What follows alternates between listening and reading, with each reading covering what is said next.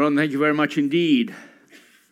75 years ago, in June 1944, a young soldier surrendered to American paratroopers in the Allied invasion of Normandy. At first, his captors thought that he was Japanese, but he was in fact Korean, and his name was Yang Kyung Jong.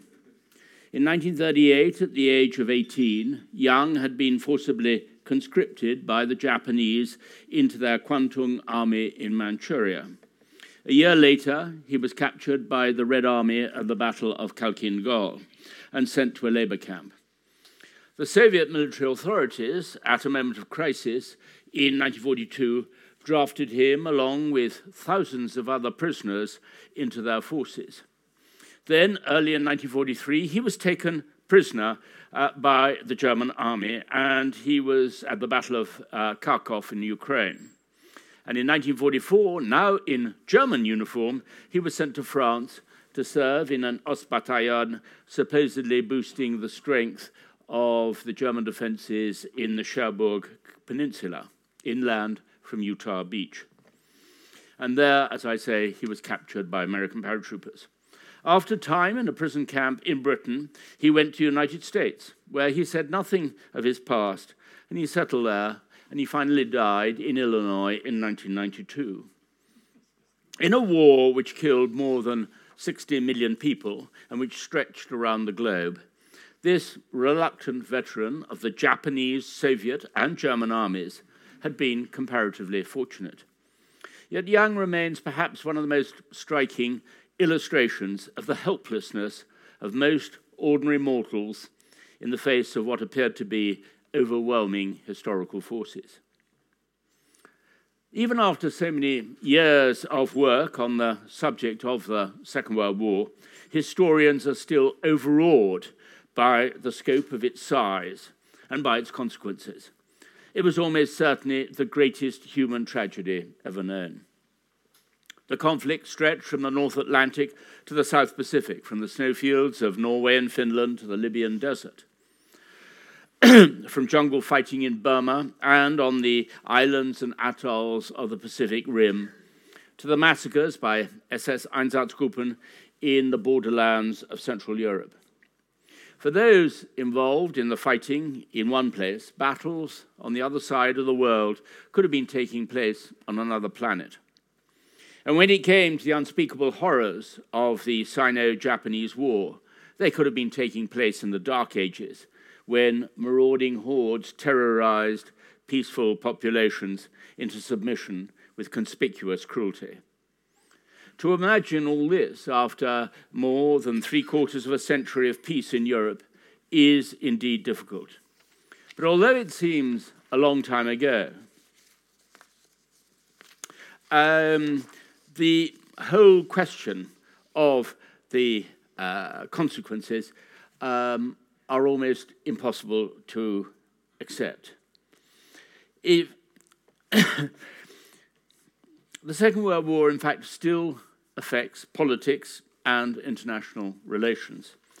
The poet, uh, Fyodor Ivanovich Tyutchev, said of Russia that Russia could not be understood with the mind alone. And certainly, Russia, under Putin today, cannot be understood without a second a knowledge of the Second World War, or the Great Patriotic War, as Stalin termed it. The whole question of sacrifice and suffering, three quarters of a century ago, created sacred myths which still cast uh, a longer and darker shadows than we realize. And today it is very hard to appreciate the huge historical forces which killed those 60 to 70 million people and when we dwell on the enormity of the Second World War and its victims, we try and we fail to absorb the reality of those statistics of national and ethnic tragedy. The Poles lost nearly 6 million people, almost a fifth of their population. The Chinese lost more than 20 million. In fact, estimates of total Soviet losses now range from 24 to 26 million dead. Stalin knew in 1945 that they exceeded 20 million, but he tried to conceal this. As David Reynolds, the professor of international relations at Cambridge University, pointed out, he settled for 7.5 million as a figure that sounded suitably heroic but not criminally homicidal. So less than a third of the true figure. Experiences and memories of the Second World War are so different that it's not surprising that each country has their own historical version of events. For the Americans, the war didn't start until December 1941, when Hitler declared war on the United States. Russia believes that it began only in June 1941 when Hitler invaded the Soviet Union.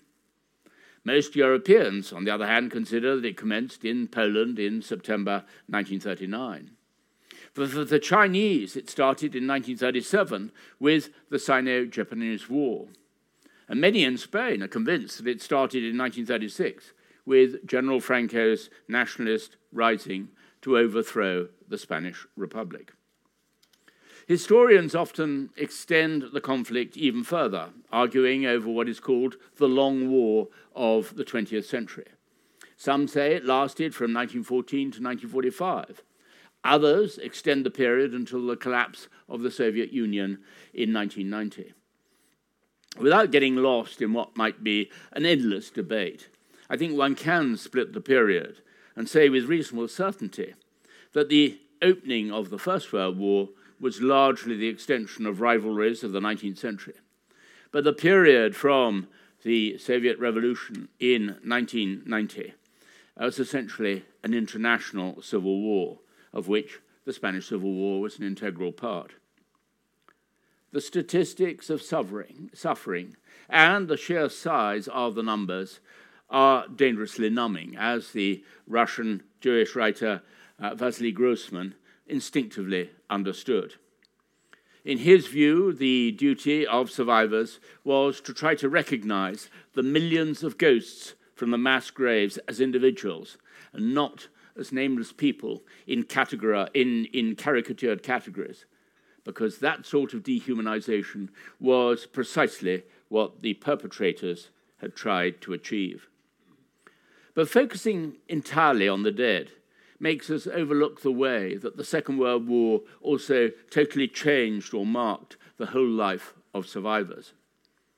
A few years ago, I heard from a, a German friend that her sister's father in law had just died. His most inter- intense childhood memory came from January 1945 in East Prussia, when he was only four or five years old. To escape the indiscriminate vengeance of the Red Army, his mother took him and his little sister on foot across the frozen lagoon of the Frisches Haff. The ice began breaking up all around, with many people falling through to freeze and drown. Almost 75 years later, his last words before he died were, I can hear the cracking of the ice. In the mad scheme of such a war, human life was intensely fragile. Survival was totally unpredictable. In the Archives Nationales in Paris, I came across a short paragraph in a June 1945 report by the French security police, the DST. This recorded that how a German farmer's wife had been found in Paris, having somehow smuggled herself onto a train returning French deportees from concentration camps in Germany. It transpired that she'd had an illicit love affair with a French prisoner of war assigned to their farm in Germany, while her husband was serving on the Eastern Front and she'd become so infatuated with this enemy of her own country that she'd followed him to Paris, where she was picked up by the French police. And that was all the detail provided. But these few lines raised so many questions. Would her difficult journey have been in vain even if she had not been picked up by the police? Had her lover given her the wrong address because he was already married? And had he returned home, as quite a few did, to find that his wife had had a baby in his absence with a German soldier. A recent book in France estimated that, I don't believe this figure, that around 100,000 babies, known as enfants de guerre or bâtards de Boche, had been fathered by German soldiers during the occupation. In any case, the bare bones of, sto- of the, this whole story could have actually been a novel by Marguerite Duras. It is, of course, a tiny tragedy in comparison to the horrors of the Eastern Front. But it remains a poignant reminder that the consequences of decisions by leaders such as Hitler and Stalin ripped apart the traditional fabric of, of existence.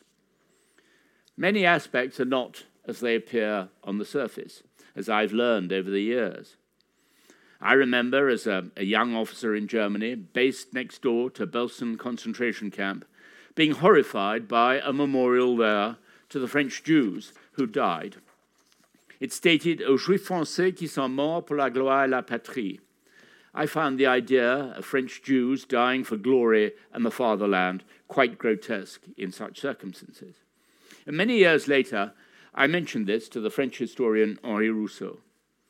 He replied, I entirely understand your reaction, but you're completely wrong. It was the French Jews themselves who insisted after the war that their memorials to their dead should have exactly the same wordings as all of the other French. And this was because they would never forgive Vichy for having tried to take away their citizenship. Perhaps the hardest for all of us to comprehend fully is also the true experience of soldiers. The conditions under which men fought were so desperate that today we can hardly imagine how they endured them. Even many who were there look back with, with amazement. One Red Army uh, officer, Vladimir Ivanovich Tyulenev, said, Nowadays, I can't believe that we were able to live in the trenches, in the open, in the snow, never taking off our shoes or clothes, with no water or source of heat. How on earth did we survive all that? Between 1941 and 1945, some Red Army soldiers, those who survived the battles along the way, fought and marched for more than 12,000 kilometers. Red Army soldiers, afraid both of their Nazi enemy and of execution by their own side, were put under a terrible psychological pressure. They and Soviet civilians were crushed pitilessly between the two totalitarian regimes. Red Army snipers at Stalingrad, for example, were ordered to shoot starving Russian orphans who'd been tempted with crusts of bread by German infantrymen to fill their water bottles in the Volga. The proud brutality of Soviet commanders is simply unimaginable in Western democratic societies. When he came to ruthlessness, General Zhukov even exceeded his master Stalin. On the 4th of October 1941, Zhukov, as commander then of the Leningrad front, issued the following order to make clear to all troops that all families of those who surrendered to the enemy would be shot, and they themselves would be shot upon return from prison. Ironically, it did not occur to Zhukov when he issued this order that under it, Stalin himself was in theory liable to execution, since his own son, Yakov Dzhugashvili, had recently surrendered. I don't think Stalin was unduly worried. He simply admired Zhukov for his pitiless determination. President Putin is always the first to claim that the Soviet Union won the single war in Europe single handed. This is a fundamental part of his complaint that Russia is a major world power, but has not been taken seriously. It's therefore important, I think, to examine this claim. According to German sources, the Red Army inflicted just over 4 million fatal casualties on the Wehrmacht during the war. And this was about just over three quarters of the total Wehrmacht death toll of 5.3 million deaths. And this is the basis of the Russian claim that it was the Red Army which broke the back of the Wehrmacht and not the British or the Americans. At the same time, though, Putin refuses to acknowledge that American and British contribution to Soviet survival and victory on the Eastern Front. And the great myth established uh, or encouraged under Stalin was that the British and the Americans had deliberately held back the launching of the Second Front in a cross channel invasion in order to weaken their communist ally.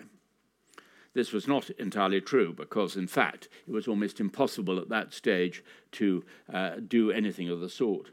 And Putin also deliberately ignores the fact that, according to Khrushchev, even Stalin stated bluntly that if the Union United States had not helped us, we would not have won the war.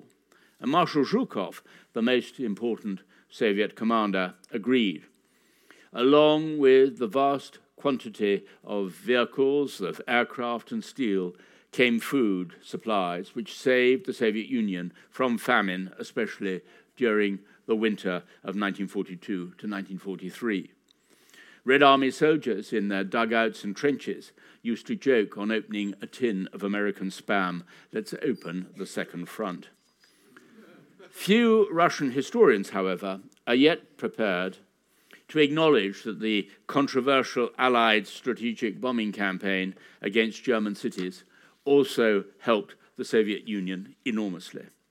Whatever one may think uh, on moral grounds about these relentless bombing operations against mainly civilian targets.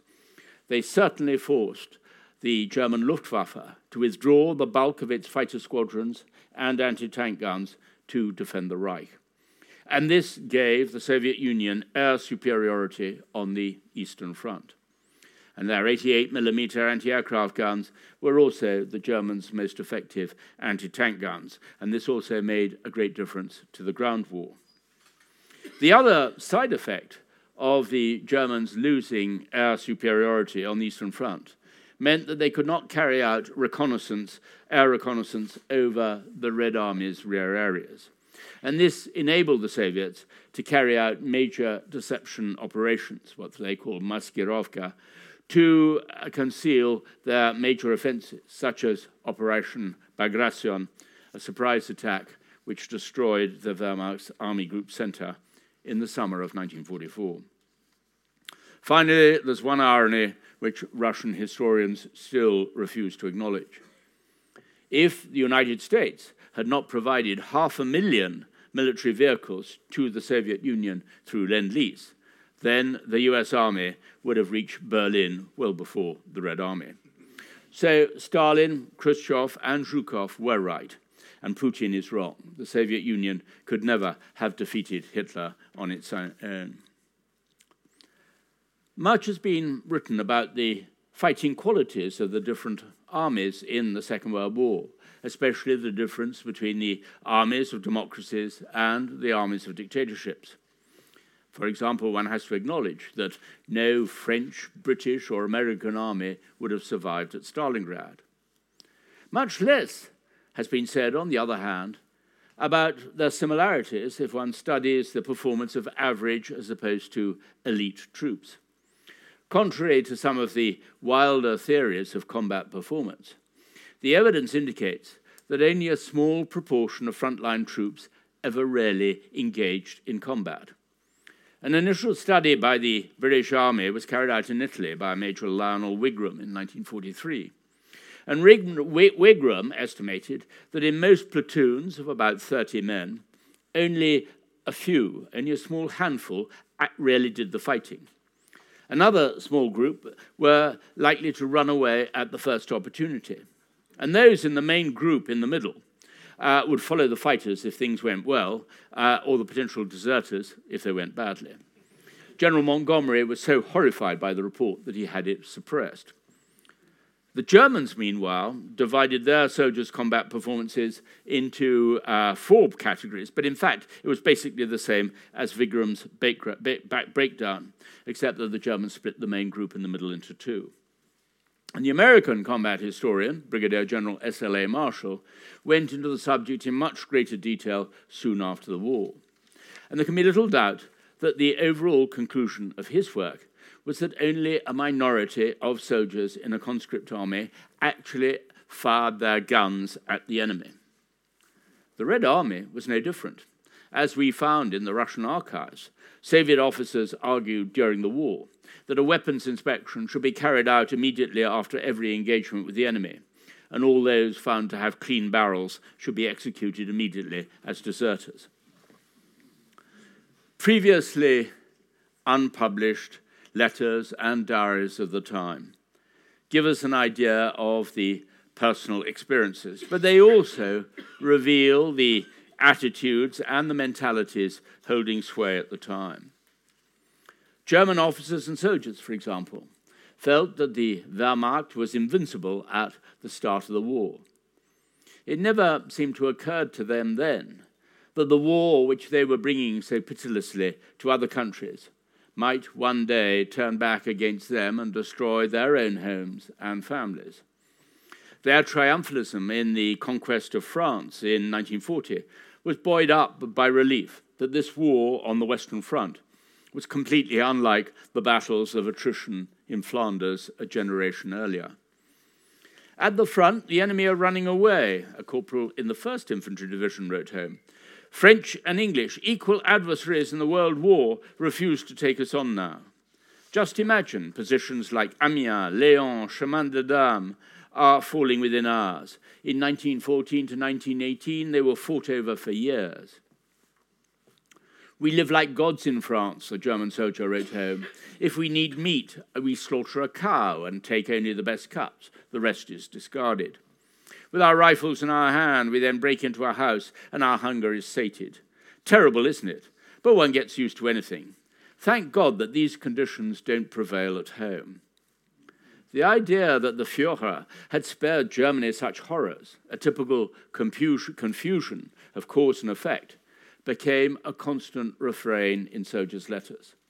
And that attitude changed only four years later when retribution approached. Preparation for the massive assault on the Soviet Union in June 1941 prompted similar hopes of rapid victory in German minds. Forests of birch and fir along the Nazi sorry, along the Nazi Soviet frontier concealed vehicle parts, tented headquarters, and signals regiments, as well as the fighting units. Officers briefed their men, reassuring them that it would all take only three or four weeks to crush the Red Army. The unnatural alliance of the Molotov Ribbentrop Pact uh, was over.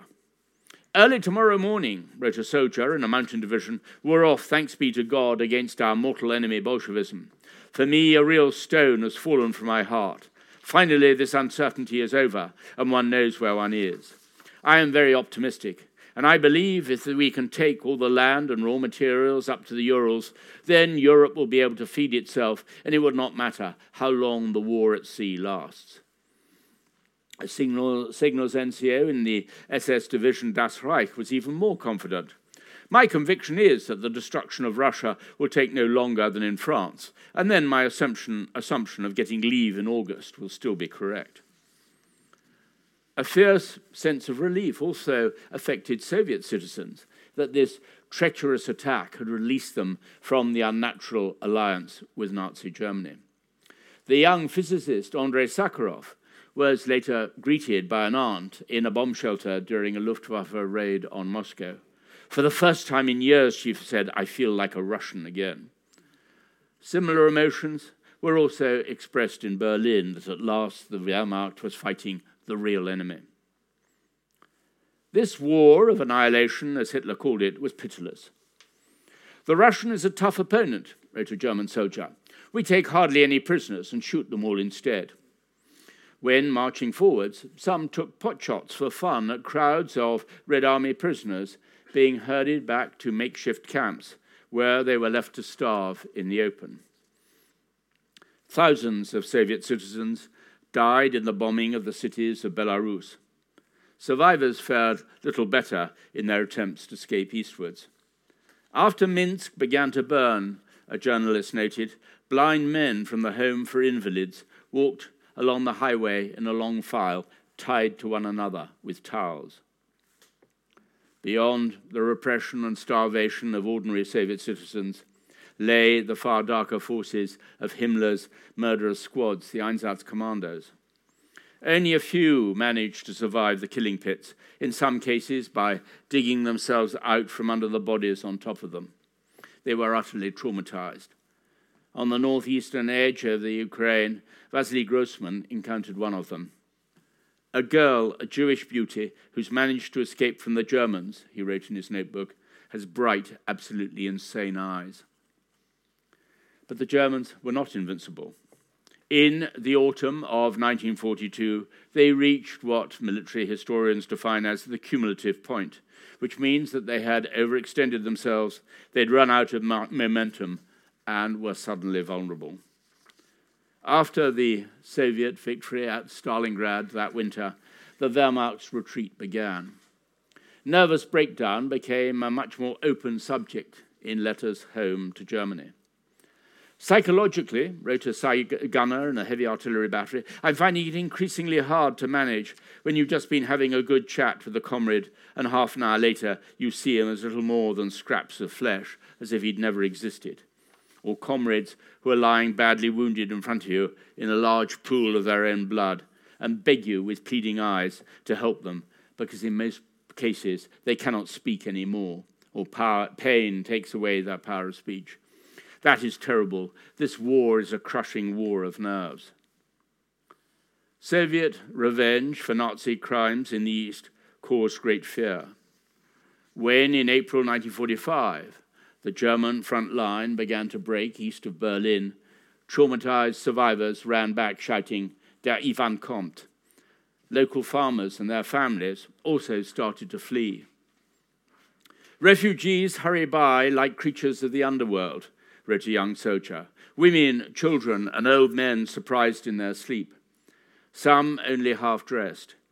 In their faces is despair and deadly fear.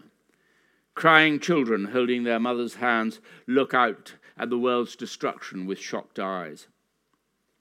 Some fathers, as they left to join their Volkssturm unit to defend Berlin, thought only of the fate awaiting their families. It's all over, my child, one told his daughter, handing her his pistol. Promise me that when the Russians come, you'll shoot yourself. He then kissed her and left. Others killed their wives and children and then committed suicide themselves.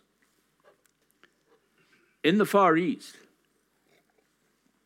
before the Japanese attack on Pearl Harbor and Malaya, the racial arrogance of colonial society, British, Dutch, and French, had produced a dangerous self deception.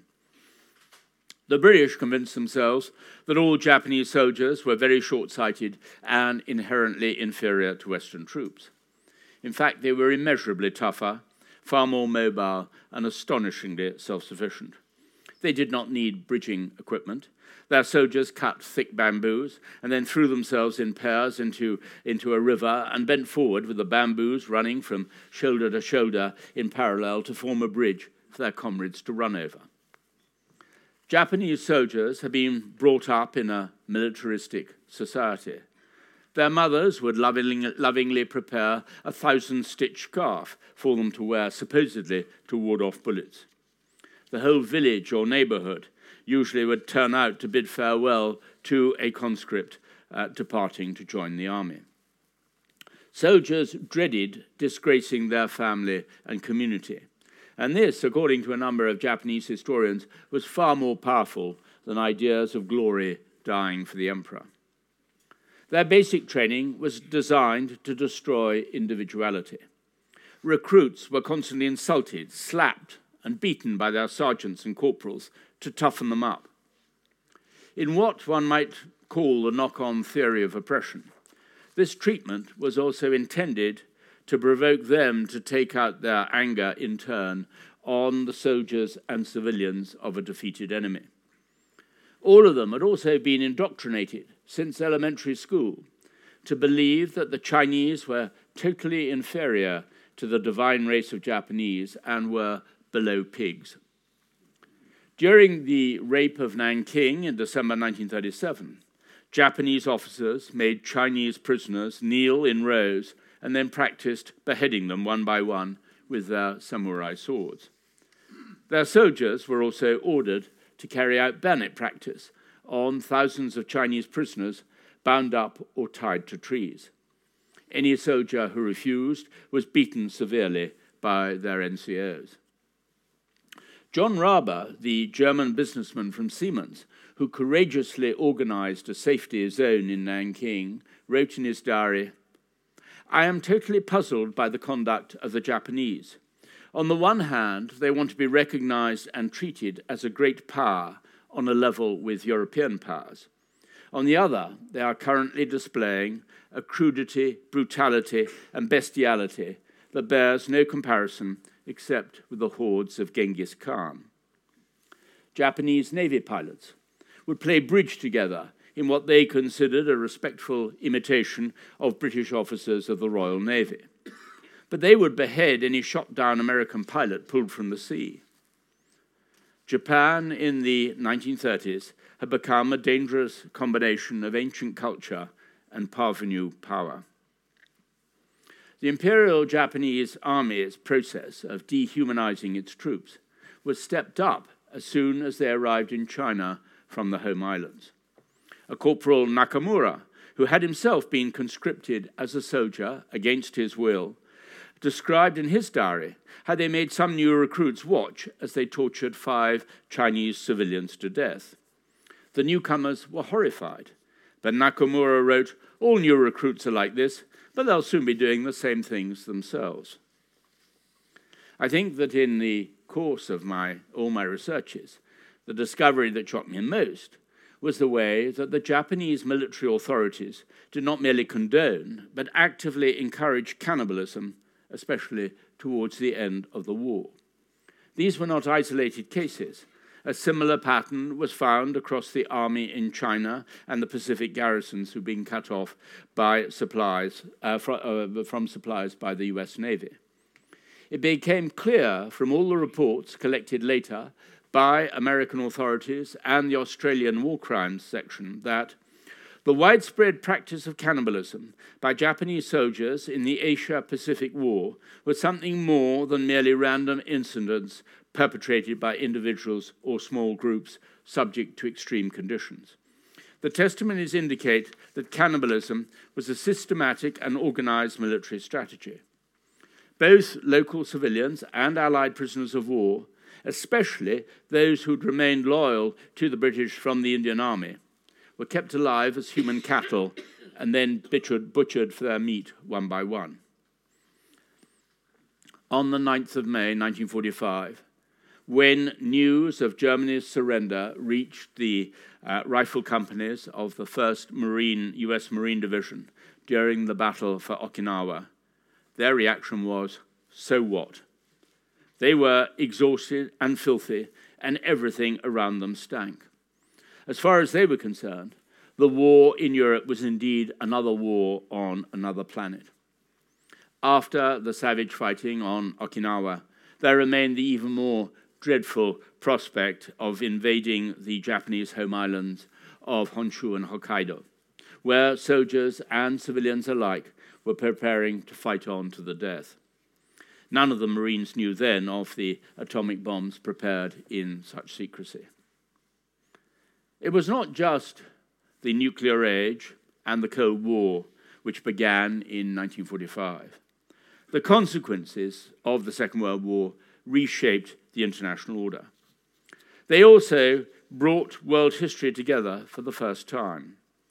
This was partly because of the global reach of the conflict, but also because it sealed the fate of colonialism, the British, French, and Dutch empires. In the Far East, the defeat of the Japanese and the advance of the Red Army across northern China and Mongolia enabled Mao Zedong's Communist Party to win the civil war and centralize the country. Although impossible to imagine at the time, this would enable China, some seven decades later, to become an economic and then military superpower. One of the great debates of recent years has been over the origins of the Cold War between the West and the Soviet Union. Did it start, as has often been assumed, in 1947 with the Clay Robertson Agreement to revive West Germany and the announcement of the Marshall Plan for American aid to a war devastated Europe? Did Stalin outmaneuver Churchill and Roosevelt at the Yalta Conference and then break his word over free and fair elections in Poland? Churchill had indeed been far too optimistic, if not self deluding. I have great hopes for this conference, he'd told the, House of Commons, because it comes at a moment when a good many molds can be set out to receive a good deal of molten metal. Churchill was suffering from the heady illusion that the so called Big Three could remake the international order on a stable footing. We had the world at our feet, 25 million men marching at our orders by land and sea. We seemed to be friends. But sadly, he was to be disillusioned. Ever since its medieval origins, Russia had been paranoid about encirclement and consequently obsessed with occupying or controlling its neighbors in the near abroad. For Stalin, Poland was the key to Soviet security after the war, and he was determined that it should be entirely under his thumb. Stalin had suffered a traumatic shock and humiliation on the 22nd of June 1941 when the Wehrmacht invaded the Soviet Union without warning. His paranoid fear of surprise attack afterwards made him even more determined to create a cordon sanitaire of communist satellite states centered on Poland and East Germany to make sure that this could never happen again. I once asked a very distinguished psychiatrist who was fascinated by the Second World War how he would um, analyze or define Hitler and Stalin in those psychological terms. And after making the usual qualifications about the dangers of analyzing people you've not met or talked to, he replied that Stalin was almost certainly a paranoid schizophrenic. But in the case of Hitler, all you could say was that he had a personality disorder and I didn't feel that I'd advanced much further. the Second World War and the Yalta Conference also gave birth to the United Nations, which was inspired above all by President Roosevelt's belief in the possibility of a more peaceful world. And I remember many years later, in the wake of the Srebrenica massacre uh, in the former Yugoslavia, asking General Mike Jackson, who'd been um, a NATO commander out there, about the United Nations' ineffectiveness. And he replied quite simply if it didn't exist, we would have had to have invented it. And this is, of course, true. But the concept of armed humanitarianism in the UN Security Council Resolution 794 of December 1992, in other words, military invention, arose out of that conflict in the former Yugoslavia. The curious concept of armed humanitarianism introduced a paradox with which we are still living today, because there was no proper debate about its impact on international law and the basic premise of the United Nations that national sovereignty was sacrosanct. Also in 1945, a war ravaged Europe was left bankrupt and enfeebled. In fact, Western Europe uh, was very close to have, to have gone communist at that particular stage and would have done so if it had not been for the Marshall Plan aid from the United States, which in 1948 kick started economic recovery. And the horrors of the conflict and its consequences spurred the start of a movement towards European Union. But, as Professor Ian Kershaw showed in his recent book, it was the economic, American economic and military shield which enabled European countries to come together during that particular period. Yet European integration is a story both of the confusion of cause and effect and also of the law of unintended consequences. It's long been an article of faith that the move towards integration has saved the continent from another war. But this argument is probably historically false. The real truth, of course, is that democracies do not fight each other. Peace is a question of governance, not unification. It is precisely the undermining of democracy which creates the conditions of, for conflict. And history has shown time and again that attempts to suppress nationalism, in fact, make it far more virulent. Now, in the midst of alarming global instability, social, political, and economic, it is understandable that people look again at the Second World War as a warning, one that can alert us to danger signals. Others might argue that we've learned little from history's greatest human tragedy and are blindly headed towards another global conflict. But history never repeats itself, and nothing in human affairs is inevitable. Yet I do believe we need to understand the past to make better sense of what's happening around us now. But we must avoid the temptation to generalize or draw bogus parallels. The Second World War was a very complex business, and our understanding of it must be equally nuanced. We tend, for example, to reduce the war to a, a battle between major powers. Some misleadingly portray it as a fight between democracy and dictatorship, even though the Soviet Union was certainly not a democracy. In fact, it was a conglomeration of different conflicts. Some were great power rivalries, yet all, to a certain degree, were influenced by the international civil war between the polarized extremes of communism and fascism. The sheer brutality of the Second World War is underlined by the fact, for the first time in the history of modern conflict, far more civilians were killed than combatants. And this can only be explained in terms of ideologically fueled dehumanization. Nationalism stirred to a fever pitch and extolling racism as a virtue on one side, but also Leninist class warfare aiming to exterminate all opposition on the other. Not surprisingly, the Soviet Union fought tooth and nail in UN committees after the war to prevent class warfare from being included in the international definition of genocide. The great Soviet physicist and dissident Andrei Sakharov uh, once observed that Stalin may have killed more people, but Hitler had to be defeated first. And he was, of course, quite right. If the Nazis had succeeded in defeating the Soviet Union, uh, their so called hunger plan to reduce the population through de- deliberate famine uh, by some 30 million people would have dwarfed even the horrors of the Holocaust. No other period in history offers such a rich source for the study of moral choice, individual and mass tragedy, the corruption of power politics, ideological hypocrisy, the egomania of some commanders, betrayal, perversity, unbelievable sadism, but also self sacrifice and unpredictable compassion. In short, one of the most important lessons of the Second World War is that it defies generalization and easy categories. Perhaps the Second World War's most important lesson is a moral one. Even in the midst of the most horrifying conditions, there were those who never let go of their fundamental belief in humanity.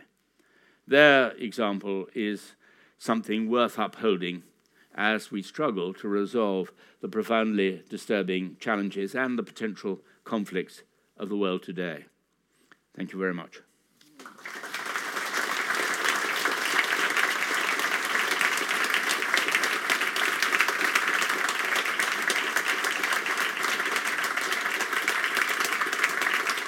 Um,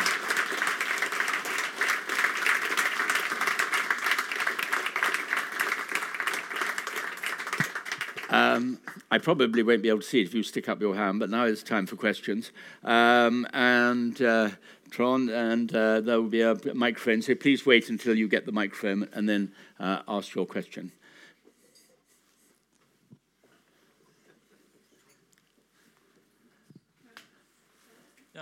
There we go, one at the back.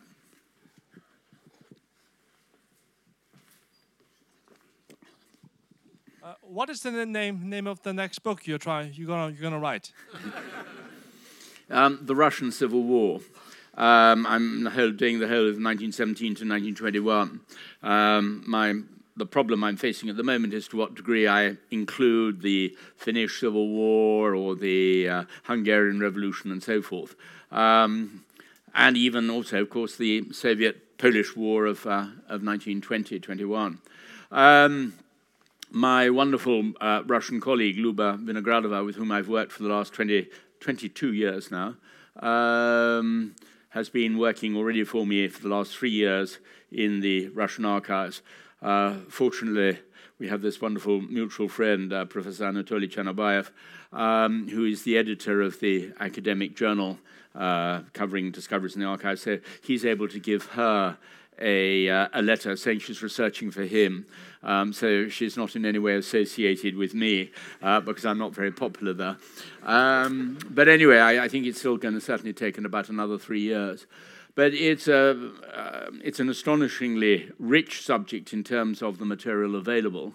Uh, most of the histories up till now have been merely purely political, but in fact, uh, I believe very strongly, as Professor Sir Michael Howard, to whom we all bow down in Britain, um, on the subject of uh, uh, on the subject, believes very strongly that we're, we're not war, we're not military historians; we should be historians of war, and that is very much more about the experiences not just of the soldiers but also of the civilians caught up in it, and of course the suffering in the Russian Civil War.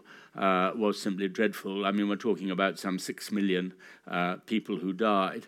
And um, on the whole, many of the archives were simply not available before. Um, and there has been an extraordinary development, uh, fortunately in Russia, where not just one uh, can actually get access in some of the major archives, not necessarily at Podolsk or in the, all of the military ones.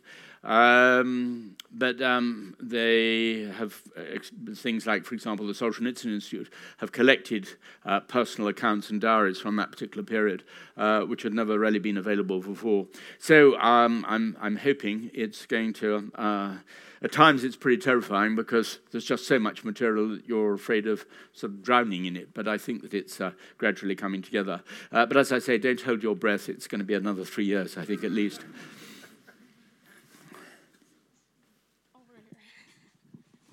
Ah, this one, yeah. Yeah, hello, and thank you for a beautiful talk. Um, I have a question. Yeah, I'm Oh, sorry. Yeah, right. Okay. Yeah. so I'm wondering if you could talk a little bit about uh, at which point the Western powers or allies uh, became more or less aware of the Holocaust and its scope. Um, well, it's a very interesting subject because um, I was involved in a major conference at Yad Vashem in Jerusalem uh, on this particular subject. The title of the conference, which I was very pleased about in a way, uh, was um, 1942 Turning Point in the Holocaust, Turning Point in the Second World War. Um, I was fortunate because I was asked to do the opening keynote, uh, which I've realized now in future is the best place to be uh, when you're getting into a controversial subject, uh, because all the problems tend, the trouble comes later.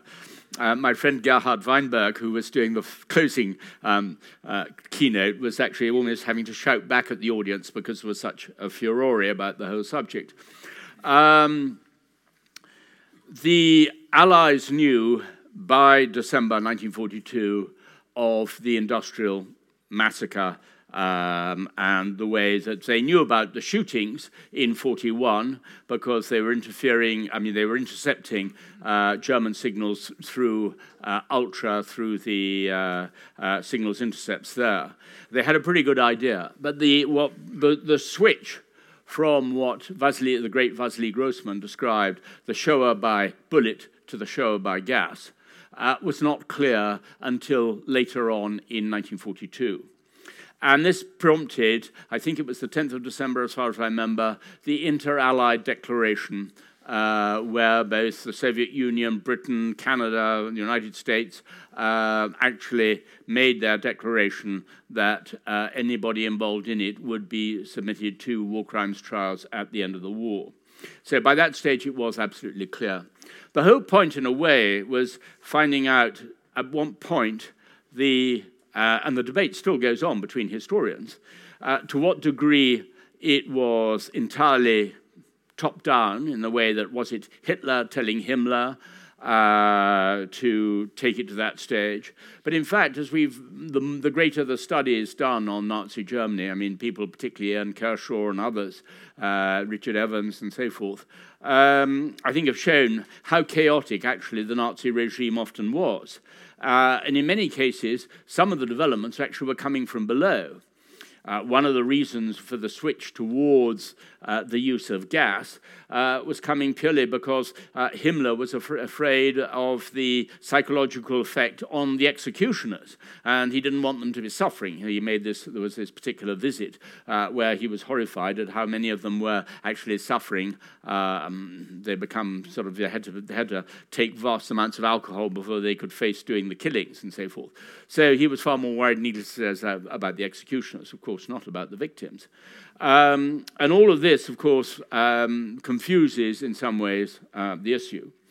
But um, we found at the time, I mean, both Gerhard and I were slightly taken aback. Uh, after I'd finished my opening um, keynote, I was followed by the wonderful Yehuda Bauer, who's a, a great um, uh, Israeli historian on the subject um, and very much one of sort of the old school. And I suddenly realized that there was sort of a, an angry muttering amongst a lot of the younger members of the audience, of historians, uh, at the conference. And um, said rather um, uh, suddenly sort of said, um, but uh, uh, hang on a second, you know, in reaction to what he could tell was a hostile uh, reaction. Uh, he said, hang on a second, um, why are we getting uh, so obsessed about the actual date on which we, the Western powers knew uh, of the Holocaust? Uh, he said, because there was nothing they could do about it. Uh, and this was true. And that actually then started to provoke a real sort of muttering and stamping of feet and things like that. By the end of the conference, as I was saying, uh, Gerhard Weinberg was actually shouting back at uh, some of the uh, his younger historians who were uh, uh, muttering and almost blaming the Western Allies because they had become convinced that it was a deliberate anti Semitism on behalf of the British and the Americans, especially the British, of leaving the Jews to be killed because they, A, it would have been a complication with pa- Palestine and the British mandate there, uh, but also they felt it was an inherent anti Semitism amongst uh, the British and, to a certain degree, some of the Americans too. Um, this wasn't, I don't think, uh, true. Yes, of course, there was anti Semitism, but I mean, when one talks about anti Semitism as if it's sort of uh, all at the same level, I mean, that's very, very misleading.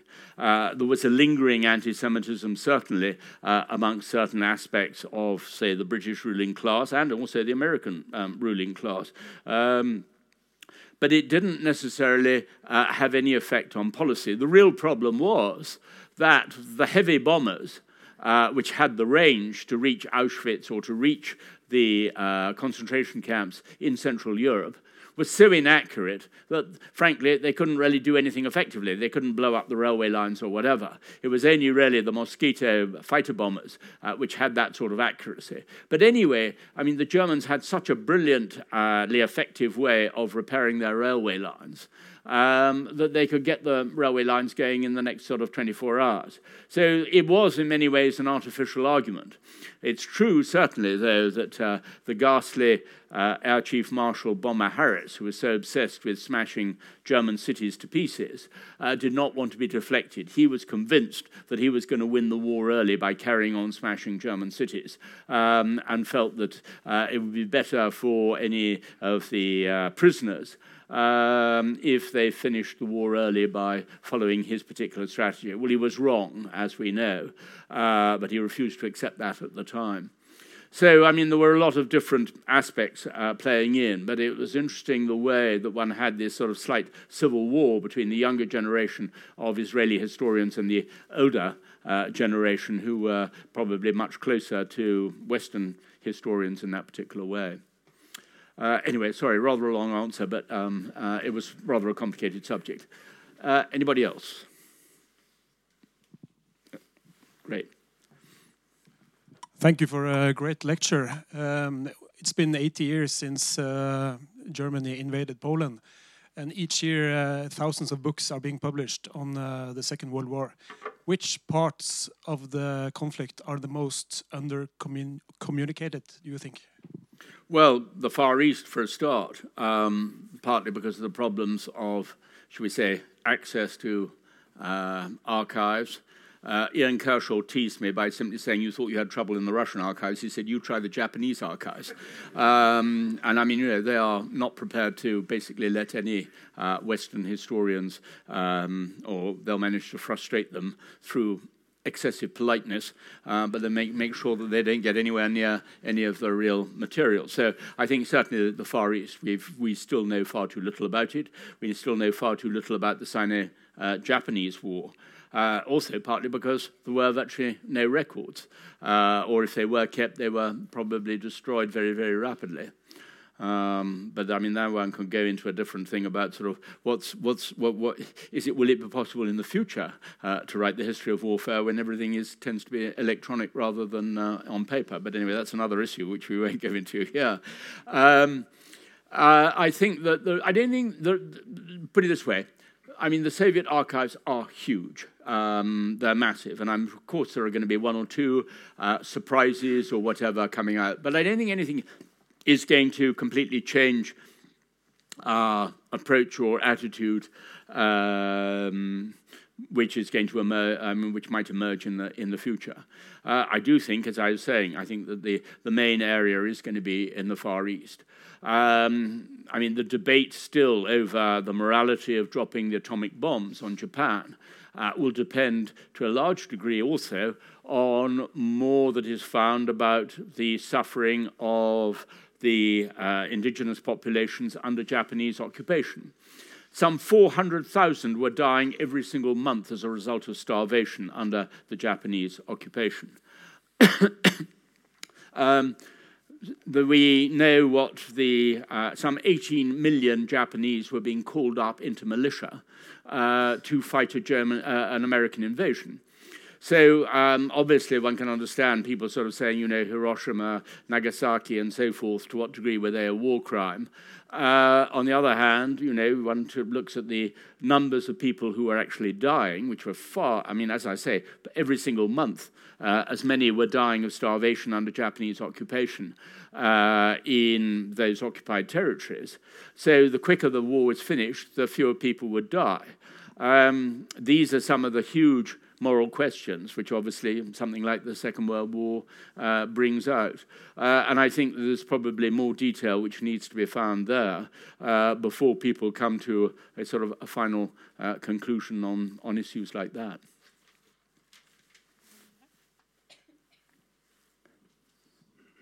Any more? Oh, am I being let off? ah, not yet. Right. Oh, hey. Oh, yes. Oh, hi. Uh, you kind of touched upon it, but uh, what are some of the big mysteries in the Sino Japanese War that you, or, or some of the cases you would want more clarification on? Um, well, I think there are, uh, there are, there are large numbers in terms of um, the way that the war itself developed. Um, I mean, I'm no, I'm no sort of expert on it. I mean, one or two friends um, um, have certainly sort of uh, um, have, have written on it. But the real problem is, as I say, um, detail. One of the great debates, of course, is uh, to what degree um, Mao and the, and the communists uh, were deliberately avoiding any form of fighting with the Japanese uh, because what they wanted was obviously for the nationalist armies uh, under Chiang Kai shek uh, to be completely ground down so that they would be able to take over in the Civil War, which they knew was going to come at the end of the, uh, as soon as the Japan itself was defeated. Um, I think that the uh, deliberate Communist Party myths of the Chinese Communist Party uh, about them resisting the Japanese have been shown already by Dikötter and uh, other uh, historians to be shown uh, to be completely false. Um, they were often even making secret little deals with the Japanese to avoid any form of conflict. Um, and they were definitely preparing, I think, for, for the end. Um, this, of course, is uh, again to be a very controversial area. Uh, and again, it's one of the reasons why the uh, Chinese archives are, um, should we say, rather uh, difficult to get into uh, for um, a number of a number of historians. Um, but I mean, what's extraordinary is now one seeing a far greater control um, Jung Chang's husband, uh, Jon Halliday, uh, who I know well, uh, went back after they, they, they did their biography, they rechecked some of the material.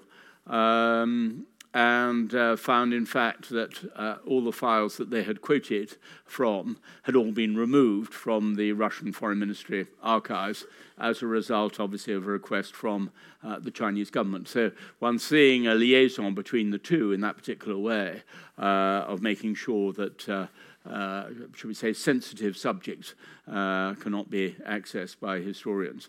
So, uh, as I say, we've advanced tremendously in some ways. Uh, I was teased by fellow historians that I was responsible for shutting down the Russian military archives. Uh, that's absolute rubbish, actually. That was a joke in many ways. Um, the archives actually started to close in 2000, um, which coincided with Putin coming to power. One can't say that it was he who actually ordered the closing. There had been a tremendous amount of fuss in the uh, Duma uh, from communist and uh, sort of nationalist uh, deputies over what was coming out through uh, from the archives and being published in the West.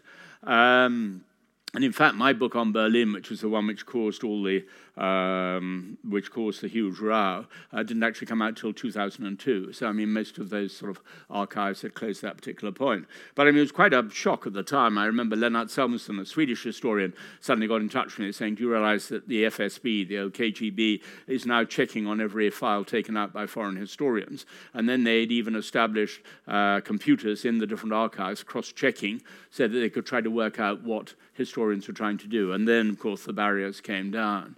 Catherine Merridale, who was working also on the Red Army, um, found that sort of suddenly the barriers came down and she couldn't even get back into uh, the Russian Ministry of Defense archives at Podolsk. So um, uh, it was it was it was a, a, very difficult time, and we've got no idea how much longer it's going to go on in that way, or whether things will improve. Uh, we don't know to what degree certain files have been removed. We think that probably quite a lot have. Um, and uh, obviously, that's rather, uh, should we say, disappointing uh, from many points of view. But I think we did have enough of that open window between 1995 and 2000. I mean, I was phenomenally lucky with Stalingrad. It was purely by chance uh, that we'd started our research in the autumn of 1994.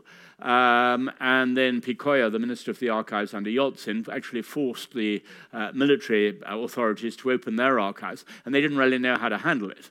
Um, and the idea that sort of you know foreign historians who are potential spies, as far as they were concerned, should actually be allowed into their archives, and it, it did bring out this sort of amazing element, of the sort of Russian paranoia and naivety at the same time, uh, in the way that they tried to sort of handle the whole uh, handle the whole issue. Uh, but as I say, incredibly, I was incredibly lucky on uh, uh, timing in that particular way because um, uh, with Luba we were sort of just about the first first in there, um, and you know the material was incredible. It was uh, uh, totally unexpected. I remember I was staying with the Canadian political attaché in Moscow or whatever and he said, oh, Do you want to ring your wife back in London or whatever? Uh, and I started ringing out. I said, I can't believe we're actually sort of seeing this material or whatever. And I suddenly saw him making signals saying, Shut up. Because, of course, I'd stupidly forgotten as a diplomat, of course, his um, telephone was liable to be tapped. Anyway, thank you very much. Is that it? Do you think I think um, anybody else? one more. One more, right.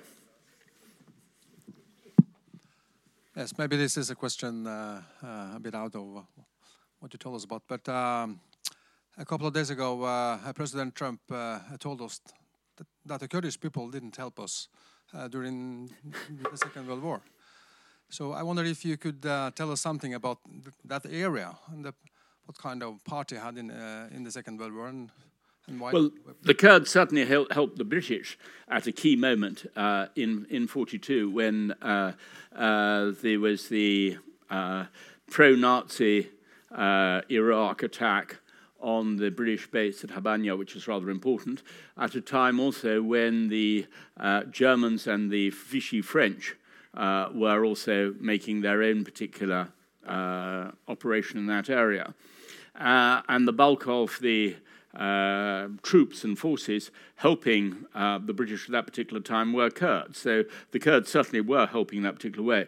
Um, as for Trump's idea that somehow um, the Kurds should have been helping us in Normandy, um, once again, one, once again, one worries about his geography. One, okay, one more, yes? Right, I think that's probably the last one. Sure you've probably heard enough by now. Okay, so it's the last one. That's perhaps good, but uh, oh, hi. Hello again. yeah. Uh, so I was wondering if you then could perhaps wrap it up by saying a little bit about.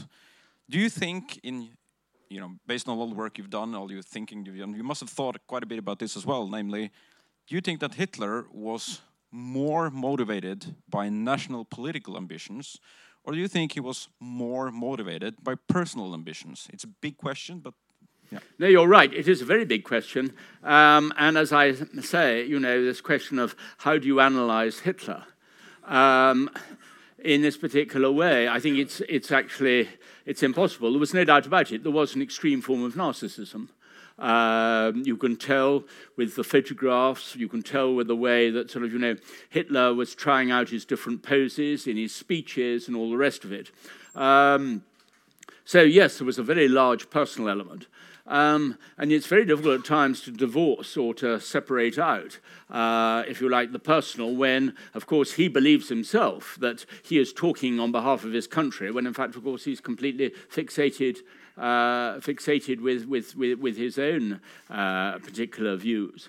Uh, what I found very striking was the way that both Hitler and Stalin uh, were both obsessed with the cinema uh, in the way that every single evening uh, they would want to see the movies, and, and then they would lecture uh, their entourage on uh, what was wrong with particular films. I mean, it was they were really sort of uh, film critics mon- monkey. Uh, in that in that way, but it, was almost as if they were seeing themselves as sort of um, world uh, film directors, um, and I mean, right at the end, uh, it was striking when uh, Albert Speer made his last visit back into Berlin to say goodbye to Hitler. Um, he had to agree with Hitler that the fall of Berchtesgaden, the reason why Hitler refused to leave Berlin, uh, he knew he was going to die by that particular stage. Um, and there was no point for him going down to Berchtesgaden because obviously uh, the fall of Berchtesgaden didn't have quite the same sort of Götterdämmerung um, aspects and dra- drama uh, as the fall of Berlin itself. So I think there was very much a question of the uh, obsession with himself and, uh, uh, as I say, this particular narcissism. I mean, I was very struck after a few years, well, as you remember from the appalling uh, massacre, the Breivik massacre. Um, I was very struck by the way I was, when I was in Oslo, being interviewed by Norwegian journalists, and they all wanted to know whether evil existed.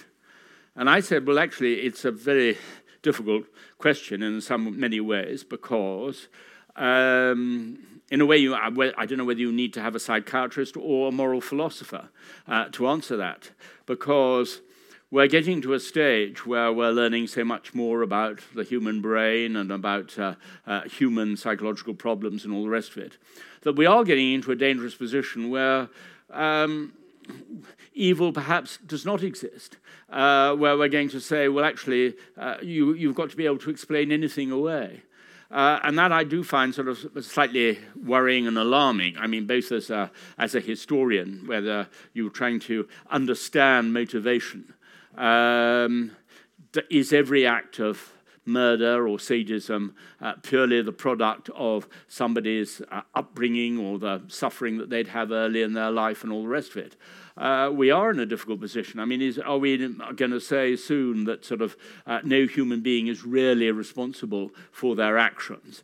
Um, and I don't think I was able to give an adequate uh, reply or explanation. And I think that uh, that is probably true in general. Um, so uh, I think I think we're going to see that one, and we're going to certainly we're going to uh, fail in being able to sort of analyze Hitler entirely in that particular way. I mean, there's no doubt about it. He had a totally uh, distorted uh, obsession, uh, particularly about the Jews, partly because of the way he felt he'd been humiliated um, in his youth in, uh, in, in Vienna and rejected. Um, but you know, is, is is that in any way of somehow an explanation or an excuse uh, for what he did? No, uh, it can't be. uh, I think one's got to retain an element of human responsibility. Uh, otherwise, I don't know where we're going to be. But um, sorry, I mean, it's inadequate, but I don't think anyone would actually be able to do very much better than that. Anyway, thank you all very much indeed.